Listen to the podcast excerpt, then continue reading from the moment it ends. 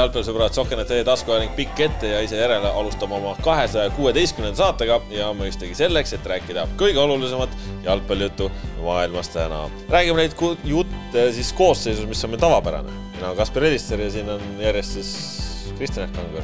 tavapäraselt tere. ja Ott Järvele. tere no eelmine nädal äh, oli selles mõttes tihe nagu ikka, meile pakuti välismaal omajagu intriige, meile pakuti kodumaal äh, neidude jalgpalli tipptaset ja meil pakuti premium-liigas omajagu. No ma enam ei teagi, et kas öelda üllatusi või mitte, sest ega siin noh, vist on nagu kuidagi tavaliseks on saamas, et iga voor mingisugused asjad juhtuvad, mida sa ei oota, aga samas võib-olla kui tabelisse vaatad, tänase päeva tabelisse, siis tundub kõik juba ikkagi juba ootuspärane, lihtsalt need vanad mallid on sellised, millest on võib-olla natuke äh, raskem äh, lahti lasta. Aga no jalgpall pakub vähemalt põnevust ja see on võib-olla kõige peamine, et meil, kui me hakkame siit premium-liiga kaudu minema ja ja lõpuks jõuame rahvusvahelise jalgpalli juurde ka, siis noh, premium-liigas toimus siis noh ütleme siis äh, väiksemat sorti äh, siis ma ei tea, jõudude, jõuvahekordade muudatus tabeli tipus, eks meil on äh, rohepööre tabel... tahtsid sa öelda? Rohepööre jah, teis-, üks roheline vahetas teise välja, tabeli tipus on siis muutus, Flora tõusis esimeseks oma selle üks-null võiduga Harju üle, sellepärast et Levadia tegi pühapäeval Tammekaga kaks-kaks viigi ja no ütleme, et pidi natukene ka õnnelik olema, et selle viigi kätte sai, sellepärast et Tammekal oli seal ikka no päris nagu ootamatud võimalused. Tammeka siis, kes on liigatabelis mäletatavasti alles üheksas meeskond. Äh, nüüd juba nagu mängis ka ja, ja, ja mängis kenasti, et. Äh, ei no Tammeka, kes oli enne löönud seitse väravat, pani nüüd, eks ole, kaks tükki Levadiale, et, et noh, see on ikkagi väike nagu mõtte ja murekoht ja, ja eriti üks-üks värav ei, nagu Andersoni värav kaks-üks värav oli selline, et, et noh, vabandust, et mida te teete seal kaitses nagu, et, et selliseid küsimärke, noh. hästi otsitud sööt samas jällegi, tunnustame ikkagi seal rünnakut, kuidas, kuidas see noh, tabati ära üldse see võimalus, mille Levadia niimoodi seda karistuslööki kaitsma hakates vastasele serveeris. suure, suure riski võtsid ikkagi. teiseks siis ka keegi seal Tammeka mängijatest vasakus ääres äh, tõmbas mõne Levadia mängijal natukene allapoole mm, -hmm. millega noh, maandas suluseis mm -hmm. ohu Andersonil ja noh, see lahendati, et see oli, see oli oskuslik nägemine Tammeka mängijatelt ka kahtlemata. ei kindlasti ma ei taha nagu, nagu seda maha teha siis. Ja, ja, ja, et no aga noh, nagu liin nii kõrgele tuua, see ikkagi on noh, sa võtad riski nagu ja nüüd lõigati näppu sellega. aga tegelikult mina vaatasin nagu noh, ma ei saanud seda mängu täiespikkuses jälgida episoodiliselt, aga aga noh, tundus, et okei okay,, et Nikita Vassiljev lõi kiirelt ära ja noh, tehtud. et küll Levadia sellest kinni hoiab, aga nad ei hoia ja olid, Narvas oli neil raskusi natukene sellega, seal said oma võidu kätte, eks ole, aga et, et ei, nad, nad ei ole üleliia kindlad olnud viimastes voorudes. jah, et Levadia kolm viimast mängu on Harju äh,, Narva ja Tammeka. ja nüüd Tammeka. Tammeka, tabeli, tabeli kolm viimast, viimast., kus nad on saanud neli punkti ja olnud kõigis mängustes noh, arvestatavates raskustes, on ju.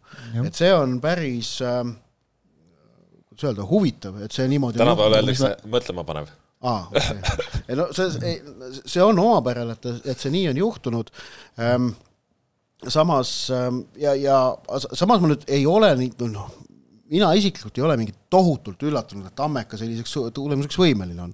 tuletan meelde, et Tammeka ikkagi, kuigi Tammeka on tabelis eelviimane, siis kaotanud on nad oluliselt palju vähem kui Trans. kui Transil on praeguseks üheksa kaotust, Tammekal on viis. et Tammeka häda on olnud see, et nad pole võita suutnud, nad on teinud palju viike kuus viiki, jah? päris meeletu kogus ikka tegelikult. no pooled mängud viigis. pooled mängud viigis, jah. jaa, et see on olnud Tammeka häda, aga nad ei kaota palju, et noh, et üldiselt äh, välja kukuvad võistkonnad, kes kaotavad palju. raskustes on võistkonnad, kes kaotavad tulemusi palju. nii-öelda on rohkem kui negatiivseid. ja, ja, ja mm, -hmm. ja, ja Tammeka noh, selge suur häda, kõik saavad aru, on väravate löömine, nende edurivi on komplekteeritud äh, mõtlemapanevalt jaa, see, see, eks see on neil suurim probleem, et noh aga nüüd leiti lahendused, üks, üks tuli standardist, teine tuli mujalt. Ja no tegelikult see, äh, see, et löövad ühes, ühes mängus värava Herman Pedmanson ja Kevin Anderson, ma arvan, et selle peale keegi ei panustanud. aga no see kaheksakümne vist oli kolmanda minuti šanss või mis see oli, kus Veelmaa löögi Karl-Andre Valner suutis Tõri. Äh, summutada, noh, ta istus sellele pallile peale kuidagi, no vahet ei ole, kuidas ta tõrjub, aga see oli super šanss, mille, mille Tõniste muidugi serveeris Veelmaale ja, ja Veelmaa oli selles mängus veel paaril korral päris terav tegelikult, et, et noh, äkki, äkki siis tema ja Uljanovi kaudu nüüd hakkab mingisugune see ründeteravus rohkem tekkima ka. ma, ma ise no,, ma arvan, et Tammeka ronib sealt veel ülespoole ikka. no vaata, eks seal nendel neid tekitajaid on, aga ongi see külmavereline realiseerija on natuke mm -hmm. nagu mhm. puudu ja, ja noh, see realiseerimine, noh, tegelikult ju jalgpallimängu kõige raskem osa lüüa väravaid. aga, aga, aga noh, ja just nimelt ja me räägime sellest, et Tammeka lõi Levadiale kaks ja tegelikult omas võimalusi veel, et noh, et okei okay,, see Veelmaa šanss oli super šanss, aga korralikke pealelööke oli neil veel. Ehm, see ikkagi toob meid sinna, mis me paar nädalat tagasi sai räägitud sellest, kui see MyScouti äh,, MyScouti esimene uuring tuli ja, ja see Levadia XG mm, -hmm. mis, äh, mille järgi nad olid löönud palju rohkem, kui nad pidanuks mm. ja sisse lasknud oluliselt vähem, kui nad pidanuks. et kas need kolm mängu, mis nüüd Levadial järjest on olnud, on, on ikkagi rääkimas meile seda, et, et, et selle võistkonna struktuur nii kindel ei ole, nagu näitasid esimese ringi tulemused. no eks see esimene ring on ju tegelikult alati selline, et meil on ju varem ka neid olnud, kes siin esimese ringi panevad puhtalt läbi, Nõmme Kalju oli üks aastal ja, ja siis vajus ju ka ära, et noh viisteist. ei hiljem, hiljem isegi veel oli. minu meelest oli see Kalju, ei see, kui Kalju esimese ringi ära võitis, Tereho oli peatreener. no aeg lendab nii ruttu, ei jõua siin nagu järge pidada. siis aga... lagunes, eks ole, täielikult kõik ikkagi no,, varsti polnud enam Terehovi ega kedagi. selliseid asju varem olnud, Tammeka ise üks aasta alustas ju mm -hmm. väga võimsalt äh,, seal oligi, said Infonetilt mm -hmm. revanši on ja, ja, ja nii edasi, et seal tuldi ka nagu punktidega. et kui me räägime nagu suurimast üllatusest, siis minu meelest suurim üllatus on see, et Kalev ja Vaprus, kelleni me jõuame, ei ole ära vajunud, eks ole, et, et noh, see praegu no, veel vähemalt, aga ütleme, anname aega, meil pole hooaeg poole pealgi veel, et noh, näiteks Vapruse pink on väga lühike. ma vaatasin Tammeka puhul muidugi üllatav on see, et eelmisel aastal oli neil ju, äh, või noh, mis ta nüüd üllatav on, eks ole, enam, aga aga, aga see on juba mitmendat aastat nagu see, et, et noh, ma tean, et nagu päris paljud fännid on päris verised nagu ka, et noh, miks võistkonda ei täiendata nagu olu-, kohtade pealt, kus on nagu selged puudujäägid. et eelmisel aastal Kevin Mätas lõi kümme väravat, järgmised olid nelja värava mehed, eks ole, okei okay,, kui sul neid kolme-nelja värava mehi on ka palju nagu, siis on okei okay,, aga kokkuvõttes jäi ikkagi väheks, et, et Tammekast vähem lõid ju ainult Leegion ja, ja Vaprus eelmisel aastal. ja Vaprus näiteks äh, kuus väravat vähem, kes noh, oli ikkagi selge punane latern. et see oli nagu selgelt probleem, sellega ei ole tegeletud, nüüd ongi juhtunud täpselt see, et, et Mätas on eemal ja ei ole veel sajaprotsendiliselt valmis, ehk et noh, ta ei saa nagu täiega panustada, kuigi ta siin mingites mängudes on juba väljakul käinud et äh, ongi küsimus, et, et kes, kes sul lööb, et noh, Veelmaa on ka pigem selline nagu tekitaja tüüp, Uljanov ka, eks ole, et noh, tore, kui nad löövad, aga nagu neilt eeldada, nõuda, see oli teada, et Uljanov tuleb tagasi pikast vigastusest. et selles mõttes, eks seal on muidugi omad põhjused mm, -hmm. noh, mhm. tõenäoliselt üks suur on raha ja võimalused, aga noh, kas või näiteks see, et sul Tristan Koskor maandub Narvas, mitte uuesti Tammekas, noh. mõtlema panev. mõtlema panev, jah et ühesõnaga noh, see, see, see on ikkagi Tammeka jaoks murekoht, ma arvan, sõltumata sellest, kui neil, kui neil läheb äh,, sa pole enne teinud seda, mõelnud sa ju tead, kas see pärineb ka ju tegelikult, kui sa nüüd mõtled? tean, tean. aga. selle üle nii uhke ei tasu olla jah. tahate veel midagi öelda? jätke, jätke. et et, eh, et sellega tuleb ühesõnaga Tammekal ikkagi tegeleda, ma arvan, see valmistab neile probleeme endiselt. et mäng, üksikutes mängudes jah, on niisugused head päevad, kus, eks ole, sul löövadki Pedmanson mm. ja Anderson ka, aga selle peale ei saa ju ehitada. aga no tegelikult ongi, vaata, meil on nüüd eh, no ühest küljest justkui nagu esimene ring sai alles läbi, on ju, teisest küljest meil on kolmandik hooajast mängitud.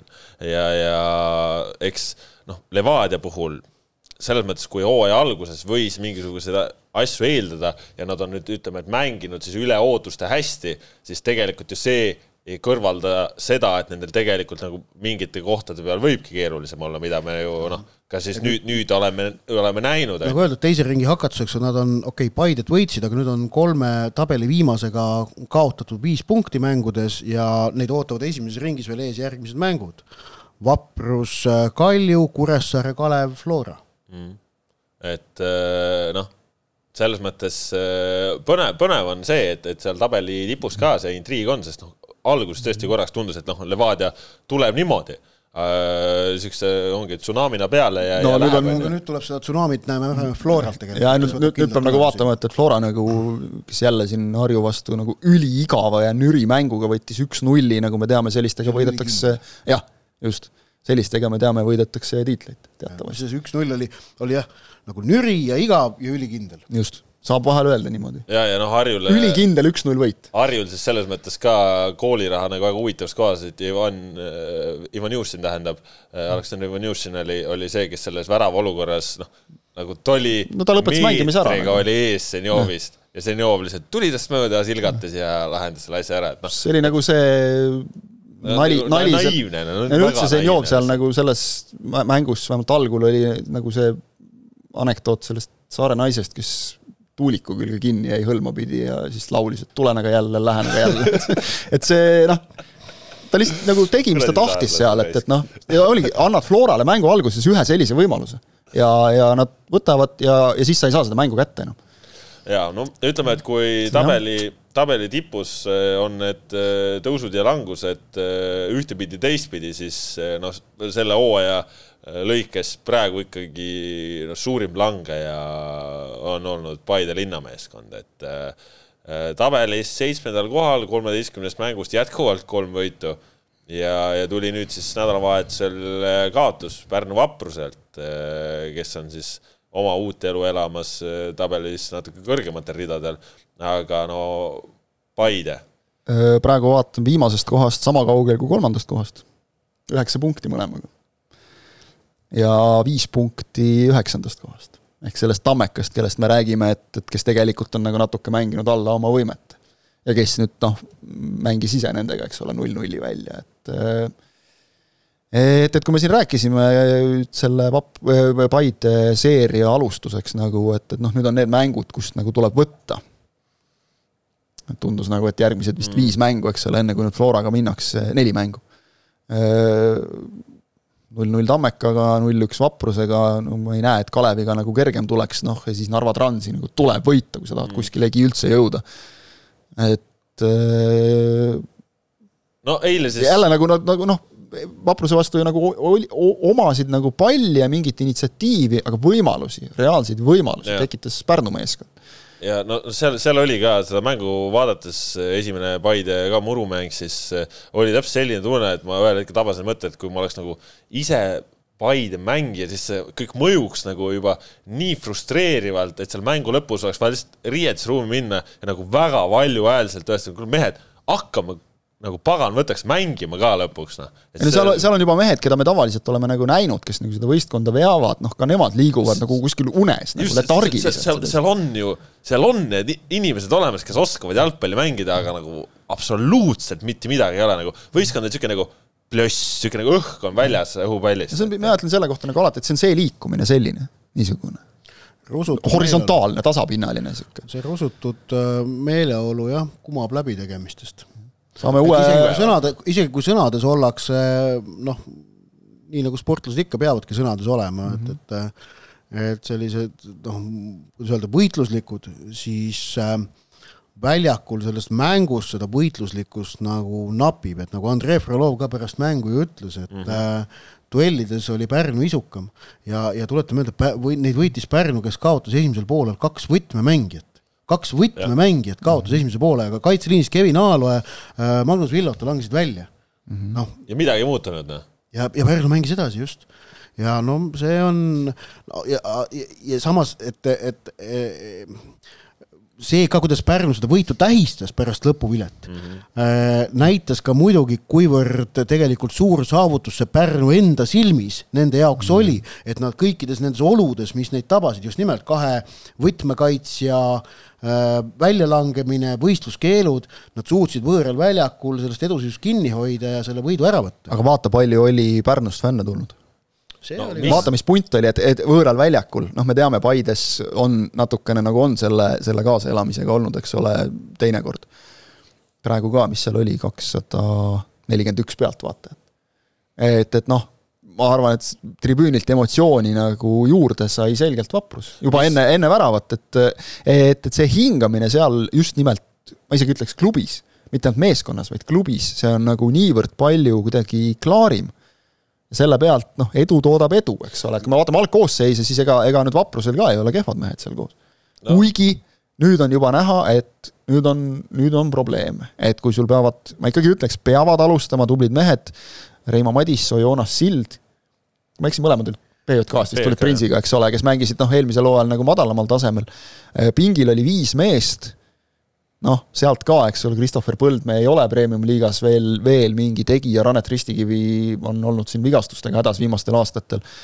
noh, Robin Lindbergil on nagu kogemust natuke rohkem, Raimond Tiidermann ka, kas ta üldse premium-liiga debüüdi on saanud kirja, ta on protokollides olnud pikalt. ja, ja aga noh, probleem, eh, no sa ütled, et ühtepidi jah, probleem, aga samas nüüd see, et nad vaatamata sellele, selle mängu võitsid, nendele, mis sa kirjeldasid, siis see tegelikult on ka lahendus sellele probleemile mm. -hmm ehk et need, kuna need mehed said nüüd selle kogemuse ja, ja, ja elamuse kätte mm, -hmm. siis, siis edaspidi on peatreener Prinsil mõnevõrra julgem jällegi natukene no, laiema aga trennida. fakt on see, et, et noh, tal lõpuks saavad need varumehed ka otsa juba vaikselt. nojah, okei okay,, see Pärnu komplekteeritus ja selle paksus on üks asi, aga mis on selle satsi no ikkagi praegu väga selge kannustaja, ongi see mentaalne pool ja see, see tuhh ja see usk iseendasse ja mis oli võib-olla kõige sümpaatsem hetk üldse kogu mängu juures, äh, vaatasin pärast sotsiaalmeediast kuidas Pärnu vaprus tegi oma nii-öelda seda võiduringi. Nad tegid selle koos fännidega ja, ja nagu mis emotsioon on see esiteks nendele fännidele mm, -hmm. kes tun-,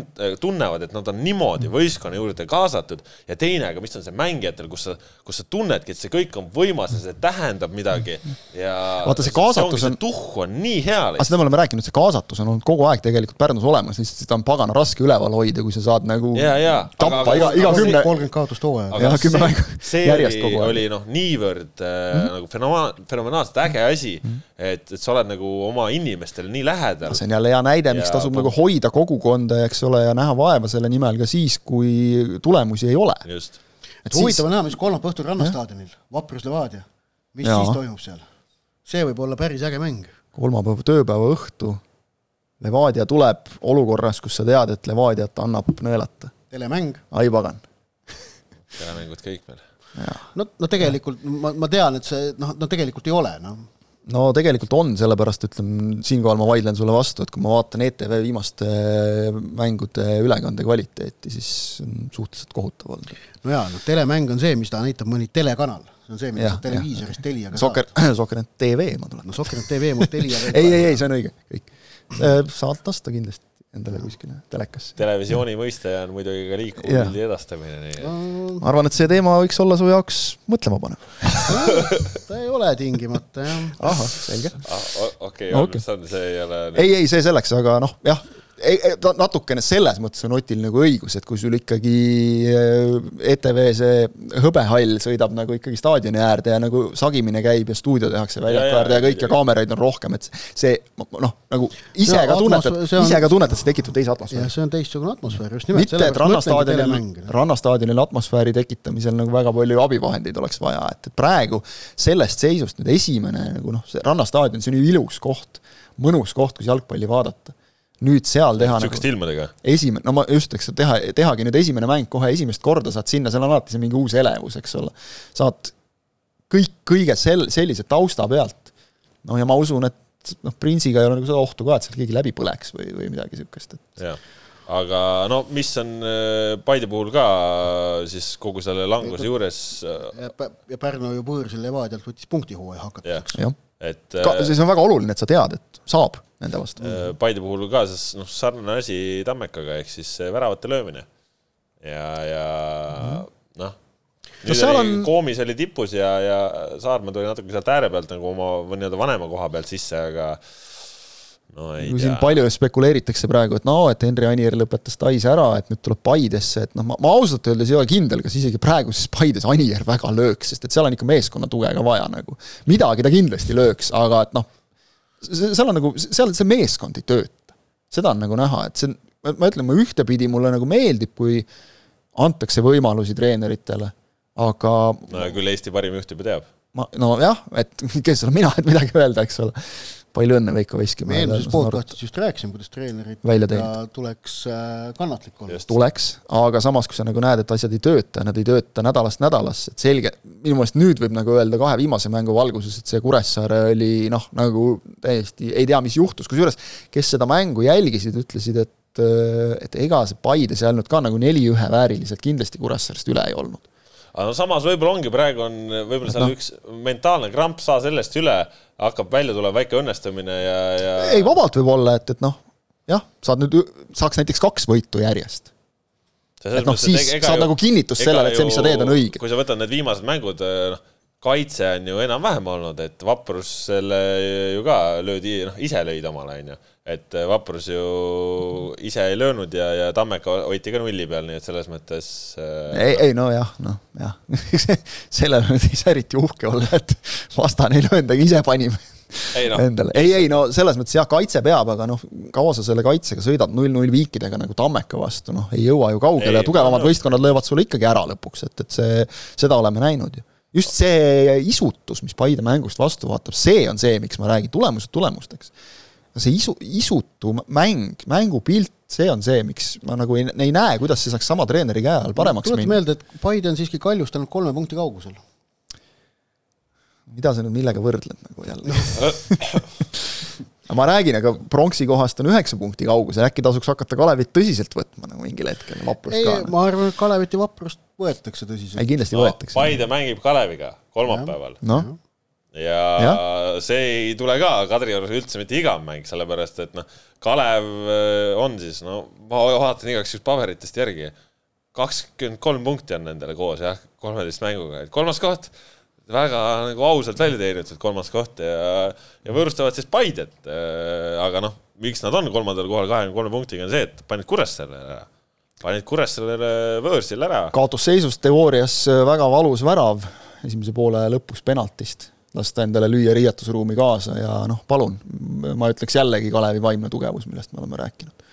eriti, kui sul on selline jokker võtta nagu Fodai Travalli ja, ja, ja Travalli teeb, see on täitsa söge. noh, mees on väljakul, eks ole, ta on oodanud seda võimalust kaua, see on täpselt niisugune väike säde, üldine foon on ju väga hea mm.. Kusjuures huvitav on see, et ma ei, ma ei ütleks, et nagu kui sa vaatad Kalevi mängu, et et seal oleks nagu seda tunnet, et, et noh, nad on mänginud nagu oma maksimumi välja pigem on paljudes mängudes niisugune tunne, et saaks nagu veel juurde panna, siit-sealt. no ma ei tea, mul suht hästi mänginud. ei, nad on hästi mänginud, nõus, aga et nad nagu päris palju kohti leiad, et noh, näiteks Ramal Sillamaa praegu noh, nagu olnud no, jätab löömata. võrdlemisi varjus nii-öelda, eks ole, ta ei löö nagu, jätab löömata. Noh, Ats Purje palju musta tööd teinud ka näiteks löönud ei ole nii palju, et kui tal nüüd mingil hetkel hakkab väljas ka ju. no ta oli haige ka, tuli ka viimati. ei, ma ei räägi, ma ei räägi nüüd isegi viimastest mängudest, vaid üleüldse nagu hooaja lõikes. Kalev, Kalev, Kalev ei ole kuidagi Nad ei toeta ühele-kahele sambale, vaid neid on palju. väga ühtlane võistkond. aga minu meelest selle, minu meelest selle nimel on ka nagu vaeva nähtud, et see oleks see, et, et see oleks selline sammastik, mitte nagu kaks posti. ja, ja, noh, ma nüüd tulen jutuga jälle sinna tagasi, mille, mida ma olen siin väga palju rääkinud, aga Kalevi ja Pärnu tõus premium-liigas sedavõrd suutlikeks võistkondadeks, see seisneb selles, et nad mõlemad on oma võistkonda kannatlikult aastate jooksul ehitanud mm. -hmm. ja tegelikult sama põhjus on ka Kuressaare mullusel viiendal kohal, väga selgel mm -hmm. viiendal kohal mm, -hmm. kus nad veel septembris ohustasid ju tegelikult Kalju neljandat kohta mm, -hmm. noh, natukene mm. -hmm. ehk et see, ka seal on antud äh, võimalus võistkonnal areneda, küpseda, kokku saada noh, Kuressaarel ikkagi tuumik on, nojah no, e, käib üpris palju, aga tuumikut ikkagi eelmine hooaeg veel, kui me, kui, kui Sander Seeman oli ka veel alles, et et seal see tuumik oli ikkagi väga selgelt paigas. no et, ütleme, Kuressaare puhul annab võib-olla natuke tunda see just eh, kogemuste teatav puudumine just, just tänavu. just, just. jah, aga eelmine aasta oli, oli tegelikult ju yeah. Kuressaare tulemusel samad osised, mis me praegu näeme Kalevi ja Pärnu puhul yeah.. ehk et selle võistkonna küpset, valmis küpsetamine ja selle sõna küpsetamine nüüd positiivses tähenduses, küpsetamine võib spordis olla ka negatiivne, on, on see, mis, mis praegu premium-liigas annab tulemusi. see on äh, jällegi natukene veel kaugemale seda luupi tõstes ja vaadates veel laiema pildiga, see on tegelikult olnud ju ka Jalgpalliliidu eesmärk nende erinevate reeglitega, mida Premium-liigas on kehtestatud, alustes äh, üheteist või kaheteistaastasest alustatud KTM reeglist, sinna kõrvale paneme ETM reegli, mis tähendab seda, et meil Eestis ikkagi äh, võistkondade enamik liikmed peavad olema Eesti jalgpallurid ja, ja paneme sinna juurde ka solidaarsusmehhanismid, stipendiaadid. Äh, muutub selles mõttes, reegel muutub ikkagi tuntavalt, et kui praegu ikkagi no ütleme, sa saad äh, kaheksa välismaalast omale koos duubliga tuua, siis järgmisest aastast tõenäoliselt saab see asi nii olema, et kõik kaheksa venda võivad sul ka pingil olla, noh tõsi, mängides korraga viis. see on halb ma arvan, see on halb muudatus. Äh, äh, ja seal on antud järele Levadia survele ennekõike, ma pakun, mis on, mis on väga halb, et seda on tehtud. ehk et see, et, et meid Eesti Premium-liigat eristab Läti ja Leedu liigadest see, et, et meil on väga suur hulk kodumaised jalgpallurid väljakul, on kahtlemata olnud äh, selle Premium-liiga noh, ma arvan, hea eripära, ähm, aga et need on olnud teadlikud sammud, mida on Jalgpalliliidu poolt astutud ja need on andmas praegu tulemust, et konkurents siin liiga sees on tõusnud. jah, sellega teadlikult, ähm, teadlikult tähendab ka see, et, et premium-liigas ei ole võimalik edu osta niivõrd hõlpsalt kui mujal, vaid premium-liigas edu tuleb kasvatada Premium-liigas ei ole võimalik edu osta, no ainult siis, kui sa Eesti mängijad kokku ostad endale. Kurro Torres sinuga kindlasti nõus ei ole. ei, ta ei ole nõus, aga, aga tema tuleb välismaalt, tema tuleb ei, seda maksimumtulemust tegema ja. kiiresti ja tema, Viktor Levada võtab... on ka selline, kes tahab kohe kiiresti maksimumtulemust.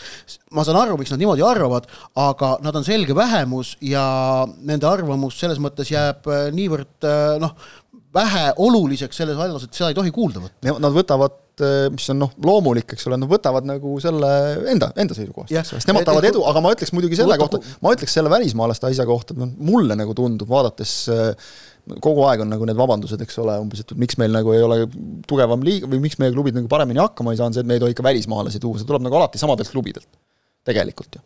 Et noh, oleme nüüd ausad, oleme nüüd ausad, ega siis nagu äh, Kalev ja, ja Vaprus, noh, ma nagu ei näe ka, et nad hakkaksid endale mingisuguseid äh, seitsmendajärgulisi välismaalasi tassima, Narva Trans on natukene erandlikus olukorras, sest et noh, olgem ausad, nagu Eesti mängijat Narva meelitada, noh, on, on keeruline ja, ja neil olid ka, on pikalt olnud ka head sidemed tegelikult äh, sel-, sellel mängijate turul, kus saab nagu tuua neid välismaalasi, aga samas me näeme, et ega neist keegi siia pidama ei jää ju. et järelikult ei ole, kui nad oleksid ikka nagu jube head mängijad, siis on kaks varianti, kas nad liiguvad kas jäävad siia või siis, kui nad on nii head mängijad, siis neid õnnestub juba kuskile edasi müüa või liigutada või lähevad siis parematesse liigadesse. tasemel välismängijaid Eestis on ikkagi just, ikkagi ülivähe ja ma, ma arvan, et, et kui see reegel muutub, et siis nad võivad sul seal pingi peal kõik istuda, aga et, et noh, siis, siis kaob nagu see vabandus ka ära, et vot kui me siis teeks, kui nagu saaks seda, teist ja kolmandat. no selles, selles mõttes, et kui sa, kui sa pingi täis laod omal neid välismängijaid, eks ole, seal siis noh, las nad istuvad seal, eks no, ole, järelikult nad ei ole piisavalt head. selle asemel võiksid seal istuda. ei, muidugi võiksid, muidugi võiksid. peaksid istuma noored Eesti mängijad, kes need, kelle jaoks need äkki need kakskümmend minutit mõne mängu lõpus on tõepoolest ka olulised. ei no selles mõttes, ega ju praegu need äh, Eesti poisid saavad ju ka istuda, sellepärast meil protokolli tohib kanda nii palju vendasid, et tihti kõiki mm. kohtasid ei saada ju täis, et selles mõttes see ei ei ole, see ei ole küsimus, aga ega nagu välismängijate ju kvaliteet on ju, see on pidevalt ju probleem selles mõttes, et ega ju ma ei tea, Kaljus Djanissi, eh, kes on mingi Prantsusmaa esiliigas mänginud justkui nagu väga kõva vend. No,, noh, Narvas istus jälle noh, et ei no tema mõju sel hooajal Premiumi liigas on olnud noh, olematu. No,, olematu, olematu noh. No, no. ei no ja vaata, võtame, võtame need välismaalased ette, ei ole nüüd viimastel aastatel siin teinud, mäletan kunagi tegin mõned aastad tagasi nagu väikse ülevaate, et kuhu on, kes on kuhu jõudnud Eestist Premiumi liigast ja, ja noh, kes on siit nagu ikkagi niimoodi niisama läbi käinud ja siis lahkunud jälle, et kes ei ole toodud, noh nagu Paide näiteks praegu toob nagu selgelt müügiartikleid, eks ole, üritab müüa siin neid. mõni mees tuli siin Tiraspoli šerifiga, tegi tegusid, eks ole, just, et noh, see on nagu selge loogiline plaan ja sa saad sealt ilmselt ka mingi raha mingil hetkel, aga, aga et, et kes siit lihtsalt lähevad, noh, nad, nad lähevad, oleme ausad, nagu lambiliigadesse, noh tegelikult. noh, nagu Eestigi on. nojah, just no, League One no, ei ole keegi läinud. no,. kes, kes on nagu jõudnud äh, arvestataval tasemel, Mirantšuk äh,, Sander van der Streek ja.. nojah, ja, ja, ja noh, võtame aga nemad mõlemad olid siia toodud laenu just. Ja tulid juba nagu tipptasemelt siia mängukogemust omandama, eks ole. ütleme tipptaseme lävelt. no tipptaseme lävelt ja ütleme ka nagu tipp no, Juha Akvola jõudis ka ju ikkagi jah, Hollandi, Hollandi kõrgliigasse, ei no ma ütlen, üksikuid näiteid on, eks ole, aga need, keda on siin räägitud, et keda hakatakse müüma, ma ei tea, kuhu kohta kuskile või, või kes siin nagu Inglismaa kõrgliiga klubide eest ära võeti, eks ole, otsige üles, kus kohas Allan Aksel Kimbalula mängib praegu, ma ei, minu meelest ta lõpetas karjääri ära üldse, kui ma ei eksi. mängis mingites Belgia noh, õlleliigades põhimõtteliselt, õlleliigades põhimõtteliselt, et noh, sorry, seal on viies liiga ka juba õlleliiga natukene, et, et noh, siuksed, siuksed lood on lihtsalt. aga et jah, kust jutt algas, et, et Eestis on teadlikult loodud keskkond äh, või püüeldud sinnapoole, et äh, klubidel oleks võimalik äh, ehitada üles võistkondi ja võistkondlikkusega läbi mhm. lüüa et ei oleks võimalik tulla järsku suure rahaga Eesti kõrgliigasse ja sellega ennast siin kehtestada. teha seda, mida tegelikult Lätis-Leedus on väga palju tehtud ja noh, Läti-Leedul on adekvaatsed kohad, millega ennast võrrelda ja ma olen seda varem öelnud ja ütlen jätkuvalt, see on väga hea, et see niimoodi on tehtud.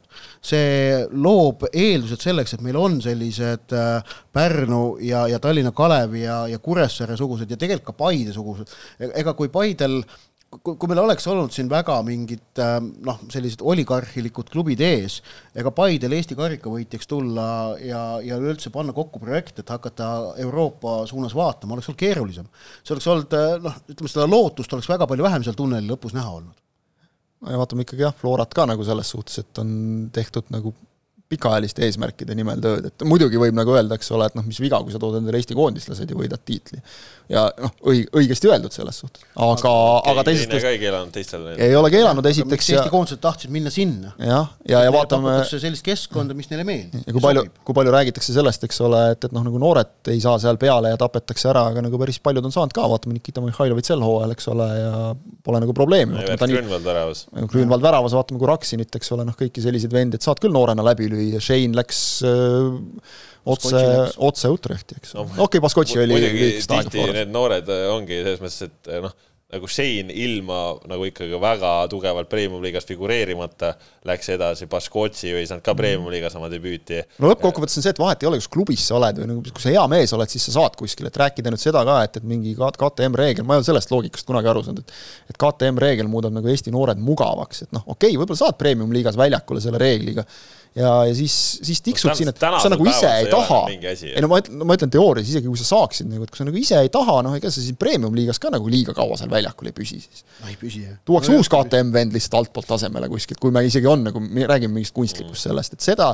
selle kaela nagu ajada, et noh, see on niisugune hea vabandus nagu, et ma saan aru, et noh, mingites olukordades need reeglid võivad ollagi nagu pärssivad ka, aga aga siin on just see, et, et noh, vaatad nagu laiemat pilti, eks ole, et, et mis nagu suurem eesmärk on, siis ma ütleks, et see hakkab praegu vilja kandma natukene ja noh, igatahes kõik hakkas peale, rääkisime Kalevist siin, et Kalev mhm. igatahes äh, vägevalt äh, asju teinud ja ja noh, Kuressaare siis noh, seal ka ilmselt vast paanikat praegu ei ole, aga ütleme, et siis noh, olukorras, kus see töömoov eemale jäi ja noh, töömoov jäi siis eemale noh, ütleme, et ikkagi eba, ebaausalt no,. seda ei tahetud välja öelda, aga nagu noh saab öelda ka tegelikult, et kohtunik eksis väljakul. ja, ja selles mõttes ma sealt videokohtunikuna, ma seda ütleks küll, et, et kui, kui videokohtunikus kohtunikuosakonna juhataja ütleb, et väljakul oodatud otsus oli see, et see ei oleks punane kaart ja tema ütleb siis seda videolt vaadatuna, et siis seda võis ka meil Varr öelda videolt vaadatuna, et kuule, äkki see ikka ei ole punane kaart, et tule vaata see asi üle. tule vaata ja kui kohtunik, kohtunikul on muide täielik õigus kohtunik, öelda, et, et ei, minu meelest oli ja, ja siis on nii, eks ole, aga tule vaata üle, see väldib nagu, ma tean, et noh, üritatakse nagu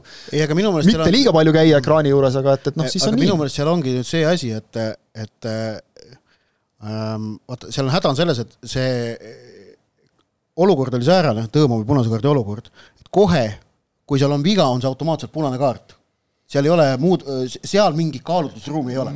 kui see on viga, kui sa vilistad selles olukorras vea, see on koheselt punane kaart muud varianti ei ole. ma tahaks ka natuke vastu vaielda sellele, et, et kas see oli nagu ilmselge väravavõimas no, ärahoidmine no, keskjoonel, pall läks kaugele. pall läks kaugele, võib-olla oleks jõudnud. keskjoonel Mihhailov lõi selle palli omal kolmkümmend meetrit ette ja sul kõrval olid teised kaitsjad nagu.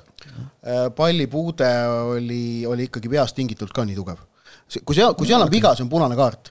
Äh, ja, ja nüüd oli see, et, et äh, noh, varri protokoll või varri reeglistik näeb ju ette, et sekkumine on siis, kui see otsus on kindlasti vale. aga kui seal oli viisteist protsenti, ütleme seda, et, et see, et, et see punane võis ka õige olla, seal oli mingi kontakt, siis on see, et siis varr ei tulegi sisse, aga samas jah, see on teoorias. vaade sellele on ja. see, et, et, et noh, oleks eeldus seda, et lastakse mängul jätkuda. No, teoorias nõus, aga praktikas me oleme näinud, et, et noh, minu meelest kõige rohkem varri juures segadust tekitanud äh, klausel ongi just see, et, et see, see ilmselge eksimus. keegi ei saa sellest, keegi ei saa sellest aru, mis on see. ei ole võimalik seda kuskile lõplikult kirja panna. ei, seda muidugi mitte, jaa, aga et see tekitabki segadust, et, et just, et see ei olnud ju ilmselge, see oli ilmselge no, nii ja naa kui..., aga praegu on lihtsalt see, et noh, las ta käib ära seal ekraani juures, ükskõik millise otsuse ta vastu võtab, aga noh, nagu et jällegi ma ütlen, et on oluline. juht ütleb, et, et no seal ei oleks pidanud olema punast kaarti, siis no siis ju Varr võiks ju ka seda ikkagi tunnetada. ja me näeme seda sellest videokohtunikust, eks ole, paari korduse pealt nagu, et, et noh, tule vaata ja kui sa leiad, et see oli, et see kontakt oli sinu meelest punaseks piisav, okei okay,, jäta jõusse, kõik on normaalne et lihtsalt see annaks nagu võimaluse kergemini noh, neid ma ütlen, see kõlab nagu nii halvasti alati, see, et nagu otsust maha müüa, aga noh, sa pead tänapäeval tegelema sellega natukene, eks ole, et, et räägite, selgitada tausta. selgelt sellele vastu, te, te, te räägite praegu selle poolt, et meil oleksid need seitsmeminutilised katkestused. ei, ei, seitse minutit katkestust olema. Te räägite selle poolt praegu, et oleksid seitsmeminutilised. me räägime sellest, et kui meil on varr, et siis meil võiksid olla otsused õiged. kui sa lähed ekraani juurde. see on see, et sa ei saa varriga õigeid otsuseid keegi ei ole kuskil öelnud, et sa varjaga saad ainult õigeid otsuseid. kui sa lähed ekraani juurde, kui sa lähed ekraani juurde ja minutiga ei ole võimalik sealt seda ära tõestada siis okei okay,, jääb jõusse, lähme edasi. noh, Kure jäi praegu Kalevi vastu oma võtmängijast ilma lihtsalt ja kogenud mängijast, noh see ju mõjutab, see ju mõjutab, kui Karhu räägin, laksab punaseid, nii et ta nagu ma räägin praegu antud konkreetsest, konkreetsest olukorrast. see on omaette võimalik lahendada sellega, mida, mille osas ma olen nõus, et Jalgpalliliit tegutseb väga valesti, et ei tühistata kaarte. Ehk et see on olukord, kus jaa, okei okay,, mängu sees oli otsus selline ja varrile etteheiteid ei olnud, aga kui leitakse, et punane oli valesti, mhm. tühistage. mis tähendab, et ei ole võistluskeeldu. ja samamoodi tuleb tühistada kollaseid kaarte kui need on antud valesti, neil on tagajärjed. sellest tulebki vaata täpselt see sõnastus umbes see, et, et äh, ei ole oodatud, sest et noh, muidu sa pead ütlema, et vale debiilsem... ja siis saaks nagu öelda ka, et okei okay,, aga kui vale oli, et tühistage siis. läbi aegade kõige debiilsem oli ikkagi see Karol Metsa punane kaart viis-neli mängus Kadriorus kus, kus kõik ütlesid jaa, et see penalti, mis seal lõpus oli, Metsa punane oli vale, aga ei, võistluskeelu me jätame alles. ja, ja, ja no see on totter, noh, eks ole. et jah, no nii ta on äh, Karol Metsast rääkides, siis äh, hea näide nädalavahetusest, kuidas saab võtta endale väga lolli punase Metsa meeskonnakaaslane äh, St Pauli ja, ja Kiili Holsteini mängus. esimese kollase sai vea eest, siis sai vigastada, tundus, et äkki on nagu mehel mäng läbi lausa, sai joone taga arstiabi, jooksis väljakule loata väljakule sisenemine, teine kollane, hakka astuma. mäng õnneks kuidagi imekombel võideti, aga aga natukene peab nutti ka olema, kui jalgpalli mängid nende kaartide ja asjadega. No igatahes, kui tuleme sealt veel edasi, üks asi on, äh, on voorust rääkimata ja, ja see oli ka ikkagi märkimisväärne. Nikita Andreev sai oma esimese võidu Nõmme Kalju peatreenerina, Nõmme Kalju lõpetas oma kuuemängulise võidude seeria, võõrsil siis Narvas alistasid Transi kaks-null äh, seis äh, räägib kindlamat juttu kui see avanenud vaatepilt, et äh, teisel poolel Trans oli ikkagi väga-väga aktiivne ja, ja noh, seal mõlemal võistkonnal oli raskusi ütleme siis vastase kolmandikul väga heade momentide tekitamisega, aga noh, Kaljul läks õnneks Igor Subbotini meisterlik karistuslöök oli seal üleminutitel lihtsalt see, mis selle seisu selliseks muutis. ma just mõtlesin, ma vaatasin Kalju nagu oma sotsiaalmeedias nagu väga-väga uljalt teatas, et nüüd nad hakkavad tulema nagu ja et, et nüüd on kõik suurepärane, nad on saanud seitse päeva tööd teha ja kõik, et et kas nagu mängupilt ka sellele vastas? ei, ei vastanud absoluutselt okay., absoluutselt ei vastanud mängupilt sellele, et mõtlema panev et eh, no esimene värav tuli ju nii, et Kauan eh, klaaris eh, palli vastu Alex-Mattias Tamme, kellel lõi sellega kolmnurka hinge kinni ja pall lendas meetri peale, kus Volko pani jala vastu. noh, ja teine tuli siis karistuslöögist. parem targalt seista kui lollilt joosta ikka no,. õiges kohas ta on. jooksis tol hetkel küll no,, jooksis tol hetkel. aga, aga mitte lollilt, vaid targalt. jah, jah, et noh, ta ise võttis pika puute seal lihtsalt, aga, aga no selles mõttes nagu Trans kindlasti vääris sellest mängust eh, enamat ja see oli tegelikult, see oli kahe võrdse meeskonna lahing. aga noh, mis Kalju jaoks on jällegi see, et eh, ainult kolm punkti lõpuks ometi, et võtab ka seal natukene pingeid maha ja no mehed olid ikkagi nagu silmatorkavalt rõõmsad ja rahul sellega, see tähendas nii palju neile. Andreev oma kodulinnas sai selle, sai selle võidu ka kätte ja, ja noh ütleme, et Kalju jaoks nagu üli-ülivajalik, et äh, nüüd nad on siis kolmandast äh, kohast praegu kuus punkti, on ju. et äh, neli võitu, viis viiki, neli kaotust. et noh, väga vajalik selline nagu kõrbes väike oaasikene. no järgmine mäng Tammekaga, et noh, on nagu ka võimalus kohe ehitada selle peale, et kui nüüd peaks näiteks minema kohe Levadia vastu, mis on ülejärgmine mäng neil, Levadia ja Vaprus, siis Kuressaare ja Paide, et, et noh, kui nüüd saaks vaat nagu enne neid mänge nagu Tammeka vastu veel teise järjestikuse võidu, siis oleks täpselt see, mida, mida rääkisime Paide puhul, et, et siis sa saaksid nagu kinnitust ka sellele, et see, mida sa teed, on õige, et see ei olnud juhuslik, et see ei olnud ühekordne. ei no oli see mäng, milline ta oli, kaks-null on kaks-null, et noh, vaatame, ega tõesti, võib-olla hakkavadki nüüd tulema ma tahaks väga kiita German Schleini, no selline etteaste parem kaitses. Danil Tarasenkov, kes eh, on olnud Transil no üks ohtlikumaid mängijaid sel hooajal no,. Germas, Germas. selle ühe isegi sealt võib-olla no, eest ära. German Schlein pani ta niimoodi taskusse mm, -hmm. mitte ühelgi korral ei saanud Tarasenkov Schleinist mööda. oligi kogemus, mitte ühelgi korral ja teiseks pooleks Terekov vahetas Tarasenkovi teisele äärele, kus tal siis Järvelaiu vastu natuke midagi nagu tekkis ka, aga Schleinitega no super mäng, no super mm, -hmm. super vana noh et no aga ta ongi tasemel mees ju. jaa, aga see, see oli nagu noh. jah, et just mulle, mulle on ka nagu väga silmatorkanud see, et ta ka mängu järgi, kuule, kas lased, lased nagu Tarasenkovi oma taskust välja ka, siis siis noh, üritad Tarasenkovi kiita natukene, et tegelikult on ju tubli poiss ja, ja nii ja naa, aga jah. ehk siis ei aga ei no Schlein on paistnud üldse silma just see, kuidas ta on pidanud seal äh, aitama seal äh, äärekaitses ja, ja noh, tegelikult ega ta ei ole nagu nii puhtalt äärekaitses mänginud ka, eks ole, kui nad seal nagu kolmega mängivad, siis ta nagu käib seal abiks niimoodi Kui, aga... kuigi äh, sel, sel, sel puhul hoidis üpris traditsiooniliselt mm., kuigi ülesehitusfaasis tuleb ikka keskel ka. no see vana aga... hea, noh see, et, et ei ole mitte positsioon, vaid roll, eks ole, aga et just see, et, et nagu siin mängivad kogemused, sa pead niimoodi kahe positsiooni vahet pendeldama nagu, eks ole. aga Andrei talle päris, päris mitu korda ütles, et hoia laiust ja mm., ja et mine kõrgemale ja, ja, ja nii edasi, et, et pidi päris palju ikkagi nagu sihuke äärekaitse asja tegema. jaa, et siin vahepeal, kui nagu Kaljul mäng üldse ei jooksnud, siis minu meelest nagu Schlein oli mees, kes mängis koha välja. et tal, tal nagu see stabiilsus ikkagi nagu on olemas. mis, mis oli, oli huvitav Kalju puhul tegelikult see, et noh, olidki ääred, alustasid siis äh, Marin Kuusjev et mm -hmm. ja, ja mängiti ees kahe ründajaga, et Tam Volkov ja noh, Volkov oli ka no selles mõttes silmapaistev, et väga agressiivne pressing no., kus seal mitmel puhul jäi pallidele ette, et, et Volkov võib... koos Tammega on hoopis teine asi nagu ikkagi. aga, aga just see ka, et noh, ongi, et äärtel ka natukene teistmoodi mm, -hmm. moodi mehed, et ei no eks nagu Andreev otsib endiselt, et noh, asjad ju ei jooksnud ja nagu näha, siis nagu mänguliselt ei jookse siiamaani suurepäraselt, aga noh, äkki mingil hetkel klikib ja siis leiad selle koosluse, mis ja, toimub. Kalju järgmised mängud, Tammeka, Levadia, Vaprus, Kure, Paide no okei okay,, muidugi meil on nii, et noh, meil, meil liigas enam ei olegi lihtsaid mänge, see on nagu sel hooajal nagu äh, peab paika, aga, aga ma arvan jah, et see noh, see võit kulus nüüd muidugi Kaljule väga ära, et natukene sai pingeid alla, aga suures plaanis on äh, olukord jätkuvalt kriitiline ikkagi mm. -hmm. No, sellepärast, et, et, et Kalju jaoks ähm, noh, tänavu medalite jäämine oleks väga suur altminek ja, ja, ja see noh, nüüd on seitsmest mängust üks võit. saame parandada ka praegu ühe vea, mis mitu saadet tagasi tegime, et Kalju viimane nii-öelda päris euromäng ei olnud mitte Metallica kontsert, vaid pärast seda mängiti ju veel Tudelange'iga ka tegelikult no,. samal hooajal. see on nagu täiesti meelest läinud, noh seda vist kõik tahavad unustada ka, sest et noh, sealt eeldati, et noh, sealt ikka edasi saab, ei saanud.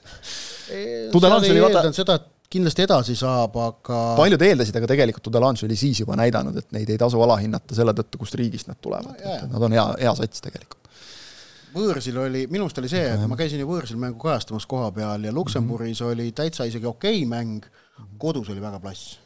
kodus keegi, ma mäletan, käkkis ära selle neil vist punasega või? ma ei mäleta enam nii täpselt. ammune aeg. no pole vahet ka, aga ühesõnaga noh, selles mõttes äh, keegi välismaalt. Kalju jaoks läks, läks olukord nagu väga palju mõnusamaks, noh Transi jaoks no üldse mitte, et äh, uues voor, Trans võõrustab Florat, noh no selles mõttes nagu Transit, mul nagu vaatad neid, mul on kahju nagu, nad mängivad nagu jalgpalli, proovivad, teevad, aga nagu ei saa neid võite. Trans ja... päris mitmendat hooaega, ma ütleks juba tegelikult, kui sa seda kirjeldad, ma olen seda tundnud niimoodi ja. Transi vaadates, et nagu mängu ju on, mängu on, mehi, mängumehi on ka, ma ei tea, kui Markus Jürgenson lubab seda sõna kasutada nagu nii vabalt, aga aga ütleme siis mängivaid mehi on, on ka, aga nagu mäng, no kokku ei tule nagu kuidagi, kas see on jälle see, et, et igal aastal peaaegu uus treener, uued asjad, eelmisel aastal ju Kuzjajevi käe all ka mängiti nagu, nagu idee oli olemas, nagu mängiti korraga, tulemusi ei tulnud. vaata, Kuzjajev oli ikka rohkem kui eelmine. mitte Kuzjajevi, vaid selle Jeremenko, mõtlesin.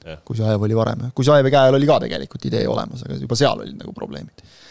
et Äh, nad on natukene nagu kinni sealsamas selles, kui me nagu Tammekast räägime, et, et noh, läheb nagu mingite asjadega vaikselt ülesmäge, siis nii nagu Harju on seal viimase koha peal kinni, nii kuidagi Trans ka nagu tammub seal kuskil tagaotsas, kuhu nad jäid ja ei saa ega saa sellest piirist üle, et tegelikult neil on ju neli punkti Paidest.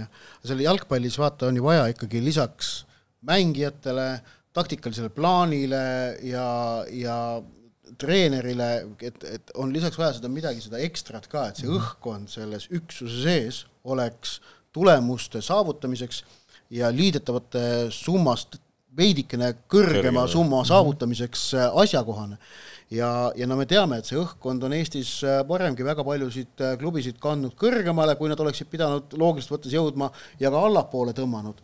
ehk et ähm, ma arvan, et see on asi, mille suunas ikkagi Transis tuleb vaadata, midagi seal ei klapi, kui niimoodi hooajast hooaega ikkagi äh, asjad jäävad, asjad jäävad tegemata, et noh, viimati Transil asjad klappisid kaks tuhat üheksateist, kui nad karikavõitjaks tulid.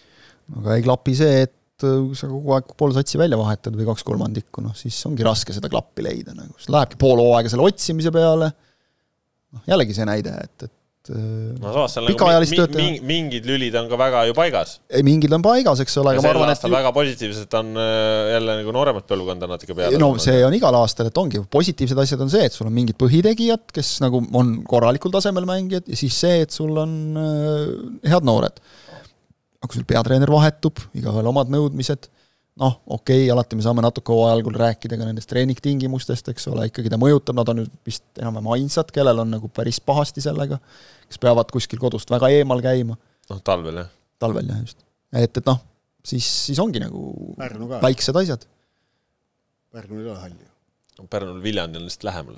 selles mõttes nagu kergem jah, et, et noh, Narva peab sõitma pikaks ajaks ja sinna laagrisse ikkagi ei lähe nagu ka, et Pärnu saab teha seda, et sõidame Viljandisse, sõidame tagasi. Pärnus on pehmem kliima ka. vigastusoht väiksem suvepealine ikkagi. ja, aga noh, ühesõnaga eks, eks ta on, eks see mõte on, et äh, peabki olema, aga, aga lihtsalt keeruline mäng, et Flora kohe tulemas, muidugi Kreenholm äh, oma muruga võib alati üllatusi pakkuda, et, et ega Floral öö, ka noh, lihtne seal olema ei saa tõenäoliselt. Kreenholmiga on muide, see on naljakas, et kui enamik ootab sinna murule minekut, siis minu teada Trans nagu väga ei oota, et nende keskus on Faamal, need tunnevad ennast seal nagu kodusemalt, mugavamalt kuidagi, et ma väga sageli aastate jooksul on nagu olnud et, et Kreenholmi pluss on see, et sa saad päris murule, aga et nad ise on nagu tunnistanud omavahel vähemalt, et, et noh, ta jääb vaata kesklinnast kaugele no,, seal on võimalik luua head õhkkonda ja kõike, aga et, et selle nimel peab nagu kuidagi rohkem võimlema, et mul ongi see küsimus, ma ei tea täpselt, ja noh, mängijad vahetuvad palju, et kuidas keegi suhtub, aga et kui, mõnusalt nagu mängijad ennast seal tunnevad, et kas nad tunnevad ennast seal koduselt, et see ju võib ikka natuke tunnevad, ikka tunnevad. kas sama koduselt kui Vapruse rannastaadionil, selles ma ei oleks päris kindel. Nojah. no kodus mängid, siis tunned ennast ikka kodus, et jah ja,, selles suhtes, aga noh, eks see Kreenholm on ka natukene, hakkab nagu vaata ajale jalgu jääma, et muru on kõige parem asi, mis seal võtta on nagu. no aga siin nädalal sees tegelikult äh, kõik ülejäänud äh, mängud on nagu ka ikkagi väga printsipiaalsed, et Harju-Kure, Harju, kes on siin viimasel ajal noh, südikaid lahinguid andnud, et noh, Kuressaare nad korra juba saanud seal punkti, on ju, et nüüd öö, äh, oma koduväljakul ka väga selge võimalus, Tallinna Kalev, Paide, noh. supermäng. Kalev on ikkagi hetkel pronksi kursil ja Paide mm -hmm. raske, no väga hea. no nüüd seesama, see Nõmme Kalju Tartu Tammeka, Tammekalt Levadia näpistamine ja, ja, ja Kalju nüüd esimene võit jälle, jälle põnevus üleval ja noh, siis see vaprus Levadia ka ju. see on, noh, ka jällegi super no.. ei no meil ei ole sellist Hea mängu, meil ei ole sellist mängu tegelikult sel hooajal, mille eel sa ei saaks mingisugust teatavat intriigi püstitada.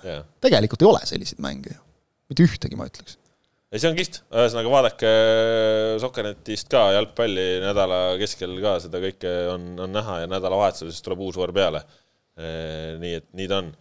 no natukene kodusest finaalturniirist ka, neid äh, U seitseteist koondis siis lõpetas oma teekonna EM-finaalturniiril möödunud nädal siis kaks mängu, kõigepealt kõigepealt siis niisugune nagu lihtsam ülesanne, et valitsev Euroopa meister sealt tuli siis Saksamaalt null-viis kaotus, äh, mis äh, selles mõttes, no ma võib-olla kohe räägin natuke sinna juurde, aga ühesõnaga see selleks ja siis nädalavahetusel nüüd valitsev maailmameister Hispaanialt null kuus. kokku siis Eestil väravate vahe kolme mänguga null viisteist. kas ma saan õigesti aru, et Saksamaaga võib öelda, et oli Eesti, ma kõiki neid ei saanud vaadata, aga et oli Eesti parim mäng seal turniiril? jaa, ma ütleks küll, ma ütleks küll, et oli selles mõttes, et et noh, seal okei okay,, tuli see varajane värav aga siis väga kaua seis püsis, et noh, Saksamaa lõi, lõi siis ütleme alles sinna juurde esimese poole lõpus kaks tükki, mis olid, noh, seal oli ka välditavusi, aga tegelikult selle aja jooksul Eesti käis rünnakul, Eesti pani sakslasi nende kolmandiku peale eksima, Eestil olid nagu reaalselt pealelöögid, asjad. see, see oligi mulle, mis ma nende mängude jooksul mul kõige rohkem muljet avaldas või meeldis, oli see, et et Eesti ei mänginud neid mänge mingi teab mis sellise ettevaatliku mänguplaaniga yeah mängiti jalgpalli, see tähendab Saksamaad ja ka Hispaaniat suruti vastase kasti juures ka kohati, mitte kogu aeg, aga noh, otsiti võimalust. kui võimalus oli, siis mindi ja, ja, ja, ja, ja jäädud mitte alati ka väga kaugele, et oleks see pressing nii-öelda nagu tulemust toonud, on ju. no ka, kahtlemata kahetsuskoht on, ma usun, terve naiskonna jaoks see, et nad väravat ei suutnud lüüa. et, et see oli, see, see kindlasti noh, jääb kripeldama, see on jalgpallimängu puhul paratamatu, et, et, et selle järgi noh, mingid markerid maha pannakse ja, ja otsustatakse, kas see oli õnnestumine või mitte, et see oli noh, kindlasti üks asi, millest jäi puudu. no ma ütleks, et ongi noh, kui see Saksamaa mängu seal Kadriorus vaadates ka äh,, just oligi noh, teine poolega oli siis ka Eesti hoidis sakslased teisel poolel ka kuival seal kuni kaheksakümmend natuke peale äh, täiesti ajuvaba penalti ja, ja noh, siis üks värav oli seal veel, onju. Äh, aga mis mind nagu üllatas, ma eeldasin, kui Eesti mängib Euroopa meistriga, me teame, Äh, naiste jalgpallis need käärid on ülisuured, ehk siis me ei saa nagu äh, võtta siin paralleele meeste jalgpalliga, et noh, muidugi vaatad tulemust null viis, Koslep, Pakk, noh, kõik nii edasi, onju. aga kui sa mõtled selle, et kus me nagu tänasel päeval oleme, kui palju meil jäi nagu põhitegijaid eemale ja siis meil on mäng Saksamaaga, kus ma ütlen ausalt, no ma kartsin midagi nagu väga jubedat nagu totaalselt kahekohalist arvu väravaid ja siis meil on niisugune mäng, et Saksamaa ei saa vahepeal kolm minutit enda poolelt välja, ma olen nagu, et mis asja mm. -hmm. kolm minutit ja see kolm minutit võib tunduda nagu ebaoluliselt väikese ajana, aga no, no mina narr... ei oodanud seda ja ma ütlen nagu, nagu müts, müts maha tüdrukute ees. nõus ja, ja noh, narr oleks äh,, tähendab äh, skeptikud võivad alati irvitada, et noh ja mis siis? Mm., et noh, null viisteist, kolm mängu, mis siis, miks oli vaja, mida te, ärge unistage ka, et te midagi sellega saavutasite. Mm vaata noh, see klaas on pooltühi või, või üleüldse see, et jalgpall on nõme ja, ja hävitab muud Eesti sporti, säärast hoiakut kohtab muidugi ja, ja sealtpoolt niimoodi vaadataksegi otsa. aga, aga mind tegelikult... üllatab, kui palju on nagu neid inimesi, kes nagu, kelle jaoks nagu jalgpall on halb ja nõme, aga kes seda ometigi nagu väga truult igapäevaselt jälgivad. ja see on jah huvitav, jah. see on nagu naljakas. seal on jah, see, see, see on mõnevõrra ma tean, et kuskil kuldne kesktee on loomulikult nagu ikka seal kahe vahel, eks ole, et me vahel lähme siin ka fantaasiatesse nagu ja, ja noh, nagu kiidame kiidame liiga palju, aga see tuleb sellest, et me oleme nagu jalgpalli suhtes optimistid. aga, aga nagu Narr, kui no, me ei oleks optimistid, me ilmselt ei suudaks seda pointi teha. aga Narr oleks just nimelt mitte sellisest, sellistest edasisammudest mm, -hmm. mida just nimelt konkreetselt see Saksamaa mängu, mängupilt, kui sinna sisse vaadata, endast kujutas. Narr oleks sellistest edasisammudest mitte rõõmu tunda. See oleks suisa masohhistlik. ja mm, -hmm. ja, ja ma kiidaks äh, Jalgpalliliitu selle töö osas, mis nad on teinud siis ütleme, turniiri nähtaval äh, hoidmise osas, et äh, et sul oli, jaa, muidugi nad jaganud pileteid ja, ja, ja kõik jutud, aga sa peadki andma endast maksimumi, siis lõpuks sa nagu neidude U seitseteist vanus, see ei ole, ütleme, et nüüd kõige apetiitsem äh, võistlussääri. kellega sa müüd? kõige esimene asi, kellega sa müüd? mitte ainsatki mängijat, kes siin võistlusel osaleb. kui meil olid siin U üheksateist, eks ole, noh, vot see on see, et oleks vaid teadnud, et sul siin Toni Kroosid ringi jooksevad Lillekülas, küll oleks müünud, eks yeah. ole, seda tol hetkel ei teadnud keegi aga said vähemalt rääkida, et need, need, need on mänginud, praegu sa võid rääkida, et, et siit on kasvanud sellised naisjalgpallurid, niisugused, naasugused, need nimed ei ütle paraku laiemale avalikkusele ikka mitte midagi, eks ole. aga.... ja siis sa said vähemalt reklaamida mingisuguseid noori Eesti poisse, kes juba olid kuskil premium-liiga klubis või noh, ma mäletan, Henrik Ojamaa, eks ole, kes oli ju Inglismaal, noh, kellega sai seda nagu müüa praegu ei olnud mitte kedagi sellist, aga sellegipoolest suudeti pildis hoida asju no,. mis